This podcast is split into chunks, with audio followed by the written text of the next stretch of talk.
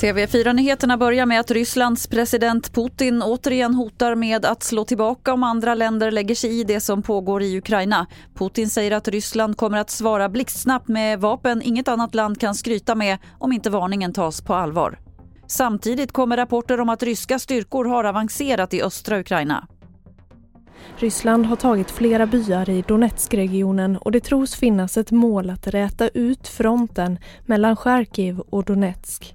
Kanske har det gett president Putin ett förnyat självförtroende som igår återigen lyfte ett varningens finger mot väst. Men enligt bedömare finns det en stor stridsutmattning i de ryska förbanden som gör det svårt att nå verkliga framgångar.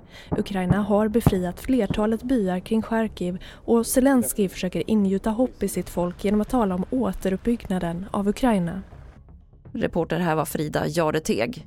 Till sist kan vi berätta att det är många politiker i Stockholms län som har utsatts för hat och hot. Det visar en enkät som SR har gjort.